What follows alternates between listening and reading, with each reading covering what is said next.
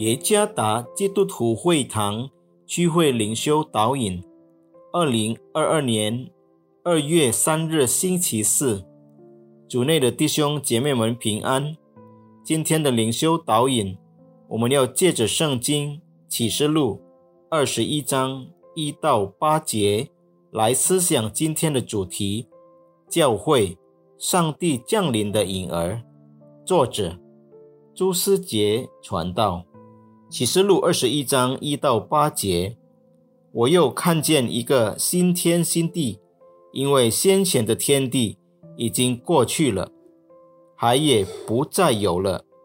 我又看见圣城新耶路撒冷由神那里从天而降，预备好了，就如新妇装饰整齐，等候丈夫。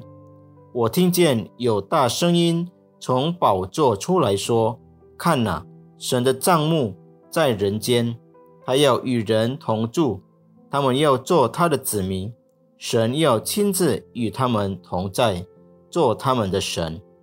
神要擦去他们一切的眼泪，不再有死亡，也不再有悲哀、哭嚎、疼痛，因为以前的事都过去了。”做宝座的说。看呐，我将一切都更新了。又说，你要写上，因这些话是可信的，是真实的。他又对我说，都成了。我是阿拉法，我是俄梅甲，我是初，我是终。我要将生命泉的水白白赐给那口渴的人喝。得胜的必承受这些伟业。我要做他的神。他要做我的儿子，唯有胆怯的、不信的、可憎的、杀人的、淫乱的、行邪术的、拜偶像的和一切说谎话的，他们的粪就在烧着硫磺的火壶里。这是第二次的死。一位朋友欠下六千万印尼盾的网上贷款。由于利息高，债务仍在增长。与此同时，他被公司开除，同时他必须支付他的房屋贷款和其他需要。感觉这个世界和他的未来在一瞬间被粉碎了。每天早上对他来说都是一个新的地狱。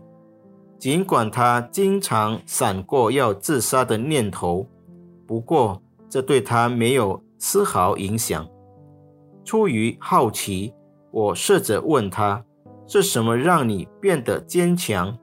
他回答说：“因为教会和人人关心我的基督徒，尽管他们无法让我摆脱这些问题，但他们的关注使我坚强。”我仍然有希望，从他们那里，我对神将降临并恢复世界的破碎状态之国度，感觉到一种天堂般的滋味。跟随基督的人行善有两个原因：首先，回应他在耶稣基督的死和复活中所领受的救恩礼物；第二。作为末世神国降临的影儿，上帝王国的来临将使一个被罪恶败坏的世界变得完美，抹去所有的哭泣和哀叹，取而代之的是上帝的喜乐和荣耀。尽管它尚未完美，然而它实际上是通过教会在世界上的存在而感受到的。这就是为什么我们知道已然未然的概念。耶稣基督已经战胜了罪恶的权势，宇宙的诅咒和撒旦的统治是上帝在地上统治的时代。他将在新天新地中达到完全。教会不仅仅是一个机构或建筑物，教会就是众人。我们每个人都是教会。如果是这样，那么无论我们身在何处，都应该呈现神果感。我们如何关心受压迫的人，那些被边缘化的人，或者只是负责任的关心上帝的创造物？这是实现上帝王国的一步。问题是，我们周围的人有没有感受到，我们的存在是对即将到来的神国的影儿？愿上帝赐福福弟兄姐妹们。